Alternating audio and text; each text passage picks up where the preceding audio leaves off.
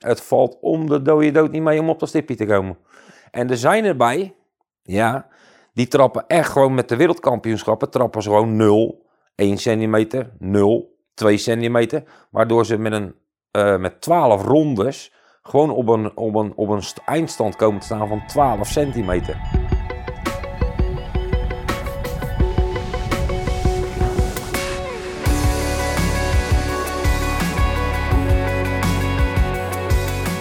Goed, nou, uh, we gaan gewoon beginnen, mensen. Zo, oké. Welkom bij Paragliding Vliegpraat, de podcast waar het alleen maar gaat over paragliden en alles wat daarbij komt kijken. En deze keer zit ik in 010 Rotterdam met John van der Rijden en Peter Moré. Hallo. Goedemorgen. Hallo. Hallo. Hoe gaat het? Goed.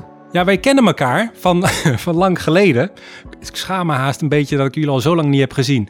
Uh, misschien kunnen jullie even kort even jezelf voorstellen. Ik ben Peter Moré, uh, ik kom uit Rotterdam. Ik ben 59 jaar. Ik ben begonnen met vliegen uh, via John van der Rijden in 1998. Um, de vliegopleiding bij de toenmalig PZG. Para 7 Gelderland? Ja, klopt. Uh, ja, ik ben John van der Rijden. Ik ben 56 jaar. ik woon in Rotterdam. En ik vlieg al vanaf 97 ongeveer, 96. Overal eigenlijk een beetje aan het vliegen geweest. En nu ja, een beetje eigen clubje, opgebouwd, eigen lier. En een beetje gezellige mensen onder elkaar. De meeste uit 010, ja.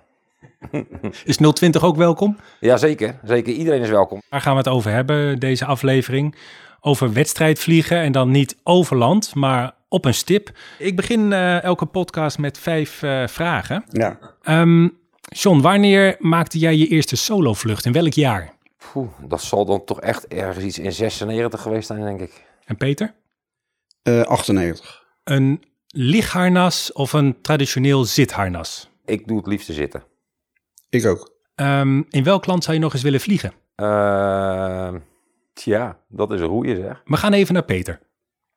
Uh, er, zijn wel, ik, uh, er zijn een aantal landen waar ik nog wel graag een keertje zou naar terug willen. Kies er eentje. Ik kies er eentje, Slovenië. Ja, ik heb een keertje in Colombia gevlogen en dat zou ik nog wel een keertje willen doen. Voorkeur voor de start? Voorwaarts. Voorwaarts.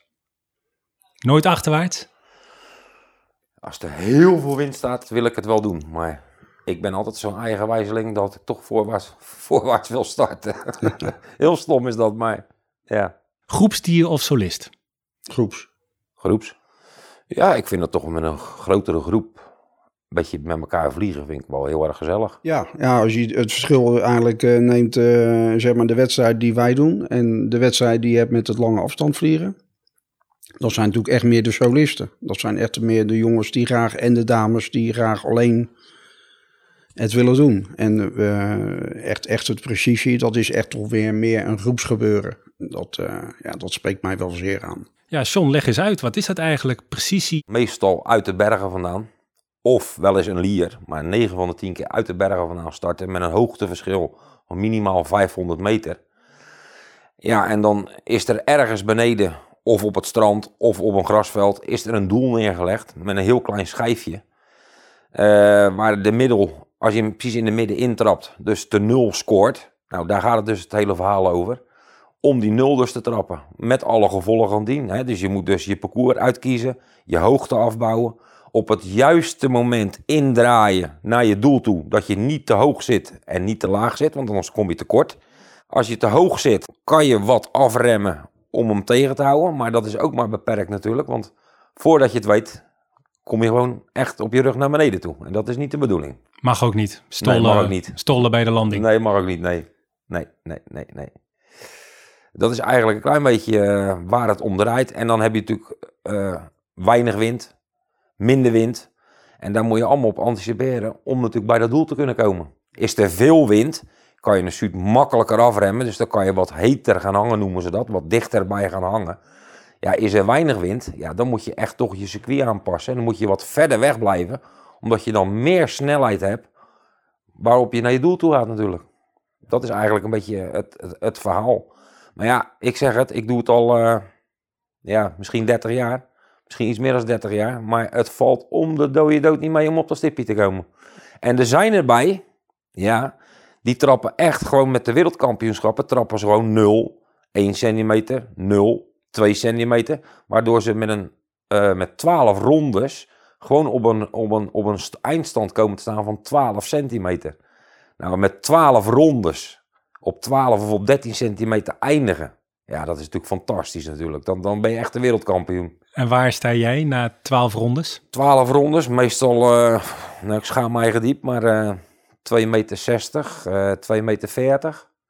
Dus dan heb- ben je 12 keer geland en heb je die 12 keer bij elkaar Ja, 2,40 meter Ja. van een stipje af. ja. Ik denk dat heel veel mensen daar jaloers op zouden zijn. dat klopt, dat klopt, dat klopt. Het kan ook, eh, het kan veel slechter uitpakken ook, maar ja, dat is me wel eens gelukt. En je probeert natuurlijk steeds beter te worden. Maar ja, weet je wat het is? Er zijn dus jongens bij, net als de wereldkampioen, die vliegt gewoon elke dag. Wie is dat? Eh, Peter, help jij mij eens eventjes? Matthias Eh, Sluga. Ma- ja, Matthias ja. Sloveen. En dat is, eh, ja, dat is, die wordt meer, meerdere malen eh, Europees kampioen en al diverse keren wereldkampioen geweest. En dat is wel echt, eh, trouwens meerdere jongens hoor, die uit Slovenië komen en ook uit andere landen. Dat zijn echt wel, echt wel de toppers. Na 12 rondes, hoeveel eh, meter mag jij dan bijtekenen? Ik wel eerlijk even nog een kanttekening maken dat als de 12 rondes gevlogen worden bij een eh, Europees of een wereldkampioenschap, mag je de slechtste ronde schrappen. Ehm, Een buitenlanding. eh, bijvoorbeeld een buitenlanding. Maar Hoeveel goed, meter is dat, een buitenlanding? eh, dat dat is in ieder geval, nou, laat ik zo, in ieder geval meer dan 10 meter. Eh, dus de, de, de cirkels, die, eh, de, eh, het doel is eh, onderverdeeld in cirkels. De buitencirkel 10 meter en dan 5 meter en dan zo naar binnen toe. Dus als je echt eh, opvalt, heb je ook een maximale score van 10 meter. Eh, Als je buiten de cirkel valt, ja, uiteraard ook. Dus, eh, eh, poeh, dat is een goeie. Ehm, ja, zeg maar 5 meter plus. Over 12 rondes. Over 12 rondes. En dat wil het ook nog wel eens meer zijn. Maar dat ligt er net aan, ja, hoe... die John die zei het ook al, je bent natuurlijk eh, weersomstandigheden. Je hebt natuurlijk een, je krijgt een startnummer en hoe meer vliegers er zijn, kan het ook wel zijn dat je op het heetste punt van de dag eh, naar je doel toe moet en met eh thermiek te maken krijgt. En ja, ook zelfs wel eens met dusdeveltjes. En ja, dan, dan is het eigenlijk een beetje meer, wordt het een loterij, vind ik. Want dan gaan zelfs de beste, dat de laatste keer heb ik eh, beelden gezien van John in eh, Servië, dat zelfs dan ook de wereldkampioen eigenlijk gewoon een buitenlanding maakt eh, vanwege de weersomstandigheden op dat moment dus. Maar goed, hij mag de slechtste wegstrepen. Ja, gelukkig wel, ja. Ja, ja. Maar moet je nagaan, hè? want als je opgaat voor je brevet, hè, de KNVVL eist van jou dat je eh, een aantal doellandingen maakt binnen een bepaalde afstand achter elkaar. Ja. Maar ja, dat zijn grote cirkels. Ja. En wat, waar, waar jullie het nu over hebben, is dat je dus twaalf vluchten achter elkaar en dan een totaal scoren vanaf dat stipje van slechts een paar meter. Ja. Mag je jezelf toch wel een beetje op de borst kloppen, toch of niet? Eh, ik, ik ben eh, de laatste jaren, kan ik wel zeggen, dat ik elke sprong binnen de meter maakt. Dat lukt. Maar nu is het de finish in touch nog, om dus elke keer op dat, dan noemen ze het petje, dat, dat eh, middenschijfje, noemen ze de pet. Nou is het nog de finish in touch om dus elke ronde gewoon die pet te pakken. Ook al is het bijvoorbeeld 5 centimeter of 6 centimeter of 7 centimeter. Maar dat is nou eigenlijk mijn uitdaging om dus elke ronde op die pet te komen. Maar ik moet zeggen, het valt niet mee. Het valt niet mee. De pet. Peter, leg even uit. Een elektronische schijf. Wat is dat voor ding? Een zwarte schijf van een, diameter, een doorsnede van 30 centimeter. Met daarop een middelpunt. En dat is dan meestal geel, geel ge- afgezet met een diameter van 2 centimeter. En eh, daar middenin, in dat gele gedeelte, daar zit dus het nulpunt. Dus als je op het randje van die 2 centimeter de eerste, het eerste contact maakt, dan heb je al 2 centimeter te pakken. Ja, dat klopt. Ja. Ja. Of drie, of één. Het is dus echt, echt heel moeilijk om echt continu eh, eh, de nul zeg maar, te vinden. En dat, dat geldt ook voor de toppers hoor. Ik bedoel, er zijn er ook, eh, als we kijken naar het laatste wereldkampioenschap in Albanië, toen op het strand. Ja. Daar was eh, het aantal nullen. Daar was er één, één Sloveen bij, eh, Anton. Ja. Die had vier rondes achter elkaar een nul. En die finish dan uiteindelijk buiten de top 15. Ja, dat Dus is echt, echt absurd. Echt absurd. Ja, en wat ik eigenlijk ook absurd vind is... Laten we het meteen eventjes over schoeisel hebben. Want dat is heel belangrijk. Hè? Ja. het gaat erom... Jouw eerste contact met de aarde, met die pet... moet precies in het centrum zijn. Ja. Met een afwijking denk ik dan van 5 mm. Want dan pakt hij de nul nog. Ja, misschien wel. Of, Of, net of, niet. of misschien niet. Of toch de één. Dus je zou haast denken... Ja, een soort van eh cowboylaars met zo'n punt. En dan... Ja, precies. Dus- hoe- er vertel, zijn- er- vertel eens iets over het schoeisel. Er zijn vliegeniers bij, die hebben dus inderdaad speciale schoenen aan met een, met een, met een punt er dan, zou ik maar zeggen. Laat ik het, laten we het zo noemen. Hè, op de hak en voor op de, op de punt. Want je mag met je hak trappen en met, Met je je, punt. met je, met je tenen, ja. Ja, ook met je volle voet, maar dan heb je in ieder geval geen goede score. Nee. Je moet hem echt proberen met je, met, met je hak of met je punt van je schoenen in te doen. En wat heel belangrijk is, is dat je het zo zachtjes mogelijk doet. Dus dan heb je de beste afdruk op het petje. Want als je dat dus hard doet, springt hij al heel snel bijvoorbeeld naar de 2 of naar de 3 centimeter. Maar als je echt in de midden en je doet het zo zachtjes mogelijk, heb je de meeste kans op een nul. Dus je moet eigenlijk nog vlak voor de landing een soort van hoeveren Ja, boven de pet. Ja. ja. Ja, daar word je even stil van zo. ja dat Maar- is... eh, maar ik- nog ik- even over die schoeisel. Het is dus toegestaan dat je eh, iets manipuleert aan je schoen, Nee. da- dat er een puntje komt? Of? Nou ja, Nee, er is, eh, er is, een, eh, er is een, eh, een, een, een, een kort moment geweest van een ontwikkeling door, volgens mij door een Fransman. En die had van die doppies die je dan onder je, onder je voorvoet kon lijmen.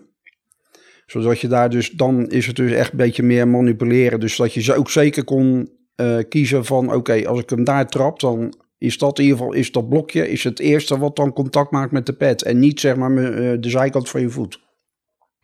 Dat mag niet meer. Dat wordt gecontroleerd. Zoals ook je scherm, of dat gekeurd is, je helm gekeurd is, je harnas gekeurd is, eh, protecties, dergelijke.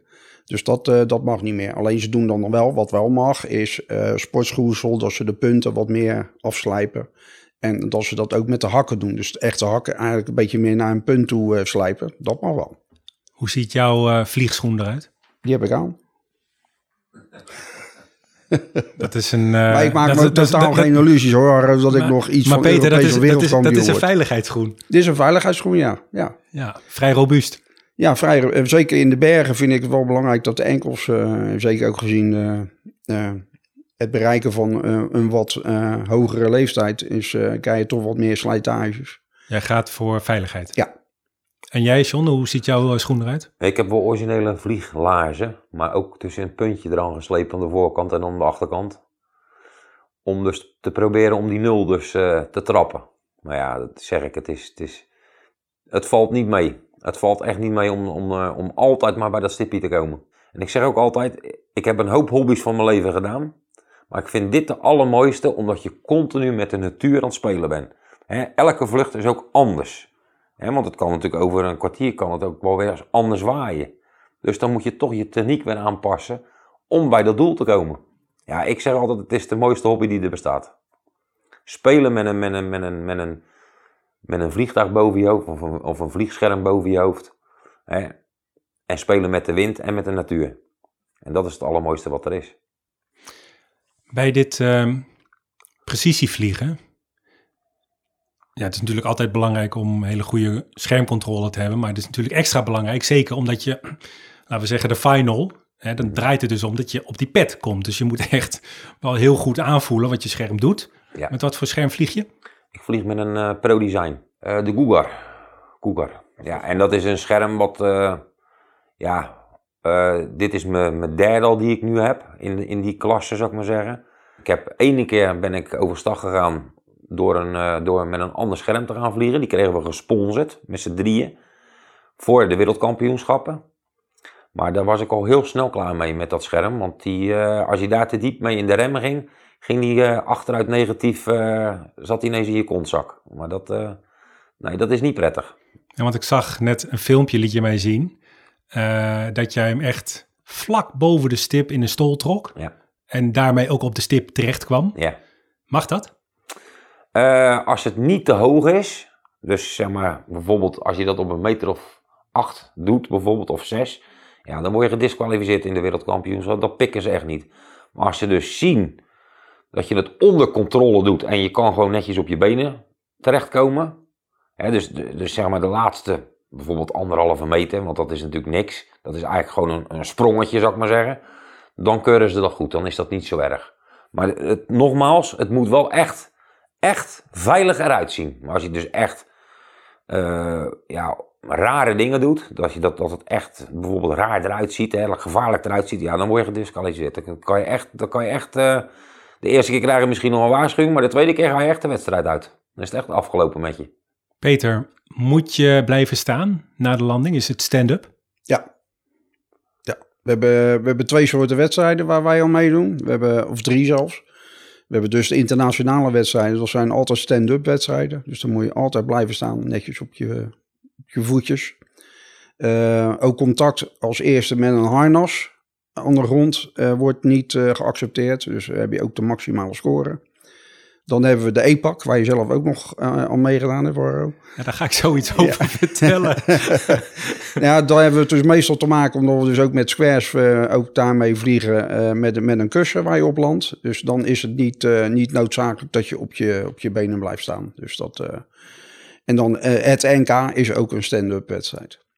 Je, je meldde het al, eh, Peter. Ik, ik ben in eh, 1993 ben ik begonnen met, eh met paragliden. En het was in eerste instantie, was het in mijn geval, was het nog valschermzweven.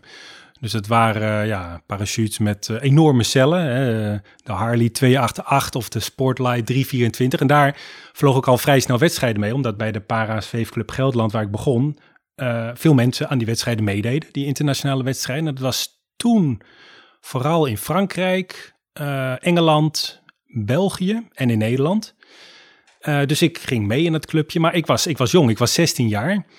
En ja, ik weet nog dat we een keer eh, een wedstrijd hadden in, in Engeland. Ik was denk ik 17 of 18 en er stond een puistwind, echt 9 meter per seconde. En ik weet degene die een beetje op mij lette, zo van ja, Haro is nog een jonkie, moet een beetje op letten.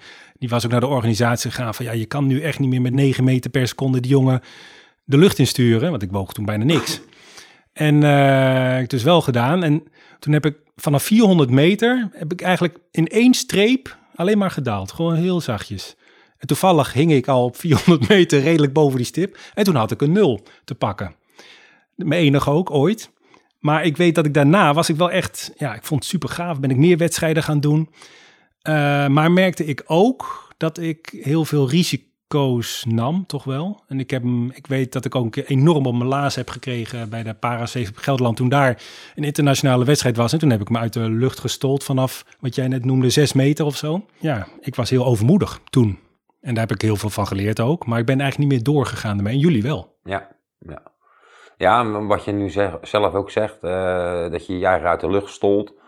Eh, iedereen om ons heen heeft dat wel eens een keertje gehad hoor.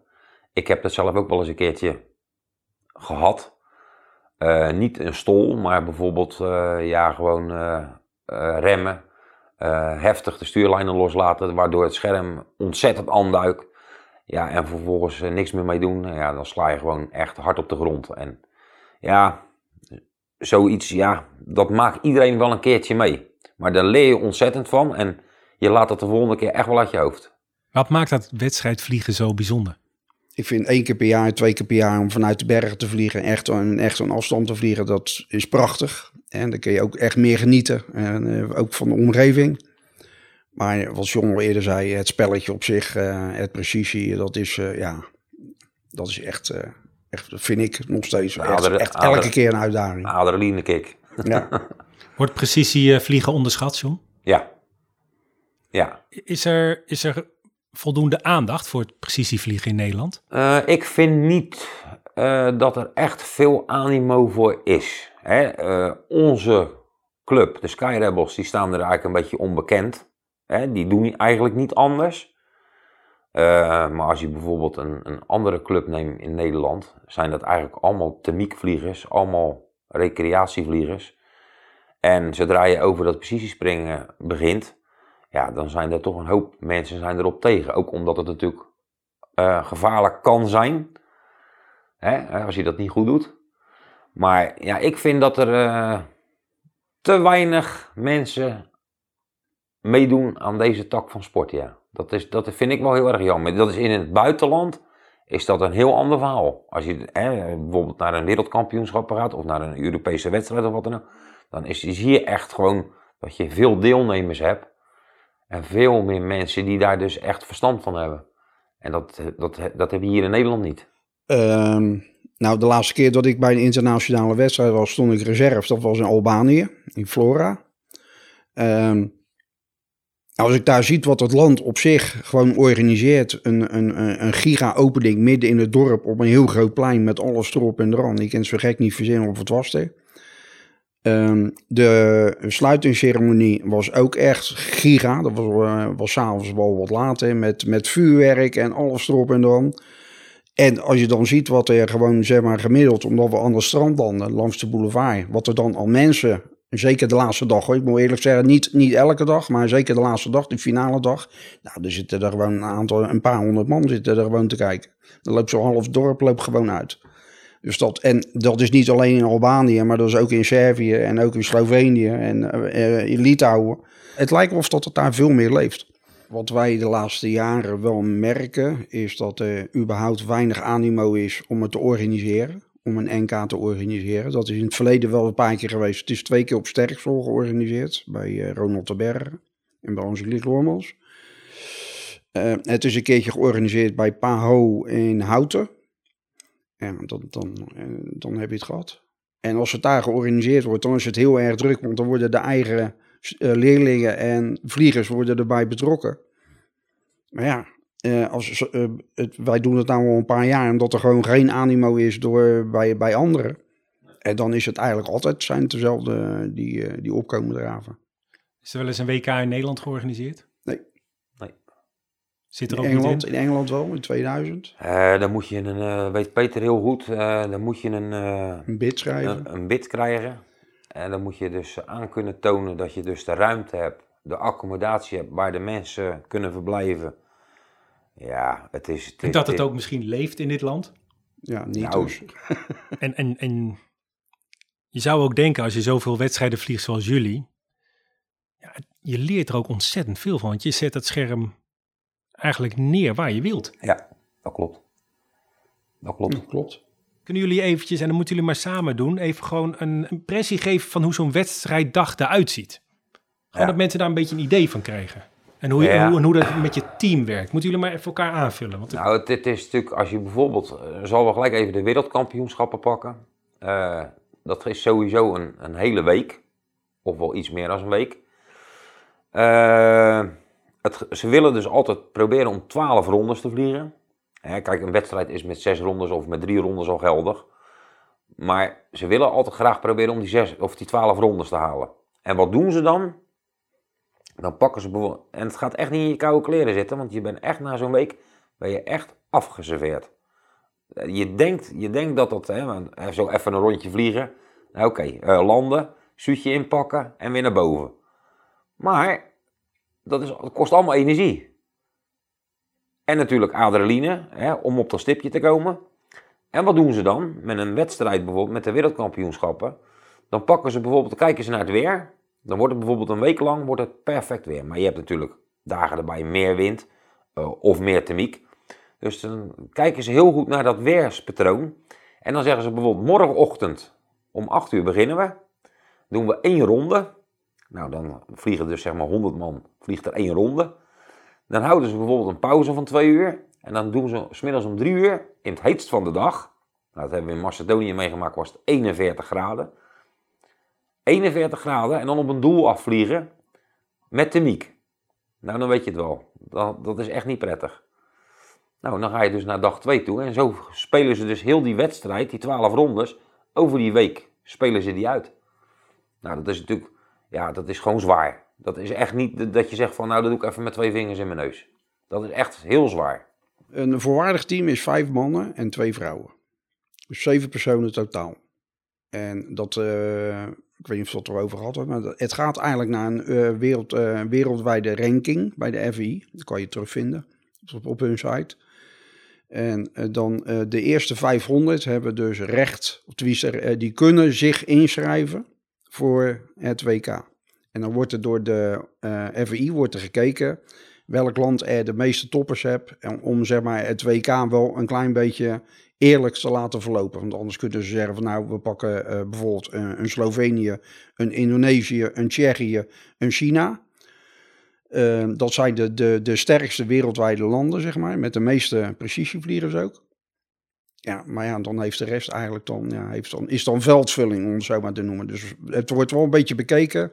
Als Nederland vier vliegers hebt en ze zitten allemaal binnen de 500, dan heb je kans dat Nederland gewoon met vier vliegers gewoon deel kan nemen. Nou, we zijn dus nou bezig, want we hebben nou een dame erbij. Die moet nog wat meer wedstrijden eh, om punten te verzamelen. En dan wordt het denk ik voor een WK, dat is dan dit jaar eind oktober in eh, Noord-Macedonië. In eh Prilep. Hey, en dan ben je gestart voor je vlucht. Is er nog een bepaalde tijd eh, die je hebt eh, waarbinnen je moet landen? Nee, eh, er wordt wel... bedoel, het is niet de bedoeling dat je een overlandvluchtje nog Nee, eerst gaat Nee, maken. nee, nee, nee, het is wel de bedoeling. Ze starten zeg maar om de twee minuten of tweeënhalve minuut starten ze uit uit de bergen. Dus je moet zorgen dat je sowieso klaar staat, want je wordt omgeroepen per nummer. En dan moet je ook echt gaan. Want ze willen dat gewoon op nummer, willen ze dat ook laten landen. Maar het is de bedoeling dat je dus rechtstreeks naar je doel toe vliegt. Dus het is, het is, het niet eventjes dat je zegt van nou komt de Miek onderweg tegen, ik ga eventjes vrolijk even eh, 200 meter omhoog en dan kijken ze maar. Dat is niet de bedoeling. Je moet dus echt zorgen dat je dus in één keer je, je circuit vliegt en naar het doel toe gaat. Dat is, dat is eh, de bedoeling. En vooral, vooral als je natuurlijk dan zeg maar 100, de laatste keer in, eh, in, eh, met de wereldkampioenschappen hadden ze 150 deelnemers. Ja, dan moet dat gewoon opschieten. Hè. Dan eh, dat, dat shoot beneden weer inpakken en dan word je weer omgeroepen. Kun, jij, eh, kun jij ons meenemen in, in een final van jou? Hoe, hoe ben je gefocust? Waar let je op? Ja, dat is niet, dat is niet normaal. Dat is echt. dat, is, dat is niet uit te leggen. Dat, dat- dat- ik Probeer zeg- het ik- toch maar. Ik, ik zeg wel eens, je moet echt arendsogen hebben en blijven kijken naar die stip. En, en, ja, en dan met je handen dus sturen en remmen en loslaten. Ja, en hoe dichter, bij je, hoe dichter je bij dat stipje komt, hoe, hoe meer de spanning in je lijf oploopt. Dat, dat, ik, ik, ik zal het je zo zeggen, als je bijvoorbeeld op dat stipje geland bent, hè, dus je hebt je vluchtje gedaan, je gaat vol adrenaline ga je naar die, naar die stip toe en je raakt hem aan. Dat is ongelooflijk hoe je dan staat te trillen van adrenaline. En dan wil je bijvoorbeeld het bandje van je helm losmaken hè, of je handschoenen uitdoen. Of je moet bij de jury de handtekening zetten voor hetgene wat je gescoord hebt. Hè. Dat heb je dus ook. Dat moet je doen. Je kan die pen niet stilhouden. Die handen die gaan dat gewoon puur door de adrenaline dat je op zo'n stipje afgaat. Dat is echt, ja, dat, dat weet Peter ook. Dat is echt ongelooflijk hoe jouw lichaam daarmee omgaat. Ja. Eh, voordat je naar je final toe gaat, er spelen zoveel eh, onderdelen spelen gewoon een rol. Eh, je medepiloten die om je heen hangen. Eh, de ene die eh, nog eventjes een S'je maakt voordat hij naar, definitief naar zijn final gaat. En jij hangt daar eigenlijk al heel kort achter. Om zelf toch je eigen de ruimte te, te creëren. Eh, mocht dat niet zijn en je vliegt van het doel weg, dan krijg je wel een rejump. Dus dan mag je gewoon je sprong opnieuw doen. Maar als je dan eh, toch eh, uiteindelijk gewoon in final hangt, dan ja, dat is net wat John zegt. Dan, dan ben je gewoon, dan alles om je heen vervaagt gewoon. Je bent alleen maar met, met datgene bezig waar je, nou, waar je naartoe wil sturen bent. Jij kijkt ook alleen maar naar de stip? Meestal een, check, laatste check voor definitief final naar de windvanen. Er staat meestal op elke hoek van, de, van het veld staat er wel een windvaan. Dus dat is meestal even een check. Even kijken vluchtig van waar hangt de rest. En dan gewoon gaan. En dan, ja, hoe dichter je bij komt, dan krijg je ook een beetje het, het, het supergevoel van, ja, dit gaat hem worden. En dan, ja, dat, dat net zoals John zegt, van het moment van touchdown dat je hem hebt, en of het dan 4-0 of, of, of in ieder geval de pet is, Dat is, ja, dat is zo'n gaaf gevoel. En dat is echt, dat, dat, stroomt later nog zo lang door door het lichaam. Dat echt een, je score aftekenen een paar raaf, dat heb je brand een heel velletje voor nodig. dus maar dat is, dat is gaaf. Ja. En ik moet wel eerlijk zeggen, uh, als je geland bent, is het wel zaak dat je ook je scherm eerst neerlegt. Want er zijn erbij die lopen dan nog even te spelen en door te lopen met scherm boven de hoofd. En als er dan wat gebeurt en ze vallen, ja, dan kan je nog zo'n perfecte score hebben. Dan is het jammer, helaas, heb je toch nog de maximale score aan je broek. Dus het is toch snel omdraaien, het scherm naar de, naar de, naar de rond trekken. Ja, en als je dan je score ziet, dat is, uh, ja, dat, dat is echt de ultieme kick. Dat is heel moeilijk, is dat uh, over te brengen. En er zijn maar heel weinig mensen, of ze moeten het zelf gedaan hebben. Je hebt het ook gedaan. Dat je dan toch wel denkt van ja, dit is het. Emotioneel ook een beetje. Ja, Ja, ja, ja, ja. inderdaad. Ja, Het is ook omdat je in een team vliegt, dus ook je team scoren. Hè? Dus je pet elkaar eigenlijk elke dag, pep je elkaar op. Elk, voor elke vlucht, als je met elkaar boven staat. Dan altijd wel één of twee die, die dat matchen, zeg maar. Door het hele deelnemersveld heen. Dan is altijd even elkaar even, ik, hup, kom op hè. Doe je best. En eh, ja, er zijn erbij die, eh, ja, ik, ik heb dat altijd wel, is het nodig. Maar ik vind het altijd wel prettig als er gewoon, als er een teamgenoot even, eh, even bij je is en even checkt en even je lijn, even, nou Peter ligt helemaal goed, zet hem op, weet je wel. En even een schouderklop, een tikje op je helm en dan, ja, gewoon er vooraan, dat is gaaf. Dat is hartstikke leuk. Ik hoor gewoon aan jullie dat, dat jullie ook hopen dat meer Nederlanders dit gaan doen. Ja. Meer Nederlandse piloten. ja dat zou hartstikke leuk zijn. Ja. Nou, bij deze de oproep. Ja, Wat, wat voor tip wil je de Nederlandse piloot geven, John? Als je echt eh paraglider bent en eh, of wil worden, ja, en je bent bereid om het precisiespringen te leren, ja, dan heb je een hobby wat je bij wijze van spreken over 25 jaar nog niet goed kan. Net wat ik zeg, elke vlucht is anders. En dat is natuurlijk wel, wel een dingetje. Hè? Kijk, een, een wereldkampioen, ja, die, die worden gesponsord, die vliegen elke dag en die komen ook elke dag op dat stipje terecht. Wij vliegen eigenlijk te weinig om dit mogelijk te maken. Maar als jij natuurlijk gesponsord wordt en je hebt heel de dag voor de rest niks anders te doen, ja, dan is het een stukje makkelijker. Maar goed, we blijven gewoon oefenen en we blijven gewoon doorgaan, net zolang tot we een keertje wereldkampioen zijn. Peter, wat is jouw tip? Welke tip wil jij geven? Ehm, la- laat, ik het zo zeggen. Wij merken wel de laatste tijd dat als er ehm, mensen van buitenaf komen, zoals wij dat noemen, dus buiten het clubje wat al bekend is, ehm, zich eh, een keer opgeven voor een wedstrijd, dat die wel met een brede glimlach aan het einde van de dag huiswaarts gaan. En eh, er zijn er een aantal die dan toezeggen van, joh, we zijn er volgend jaar weer bij, weet je wel. Ik denk van, ja, als die nou ook eens een klein beetje meer, ook in hun eigen club of school of, of vriendenkring die vliegen, gewoon dat ook een beetje uit kunnen dragen. En dat ook eens aan kunnen geven van, jongens, hey, ik, ben, ik heb nou wat gedaan, ik heb meegedaan aan een NK. Ik ben niet in de prijzen gevallen, maar ik heb een superdag gehad bij, dan mag ik dan ook wel heel, heel klein beetje, even beetje chauvinistisch zijn, bij een hele gezellige club van mensen. eh, waar eh, het eten goed verzorgd is, waar eh, het drinken goed verzorgd is, waar achteraf altijd gezellig met elkaar een biertje gedaan wordt.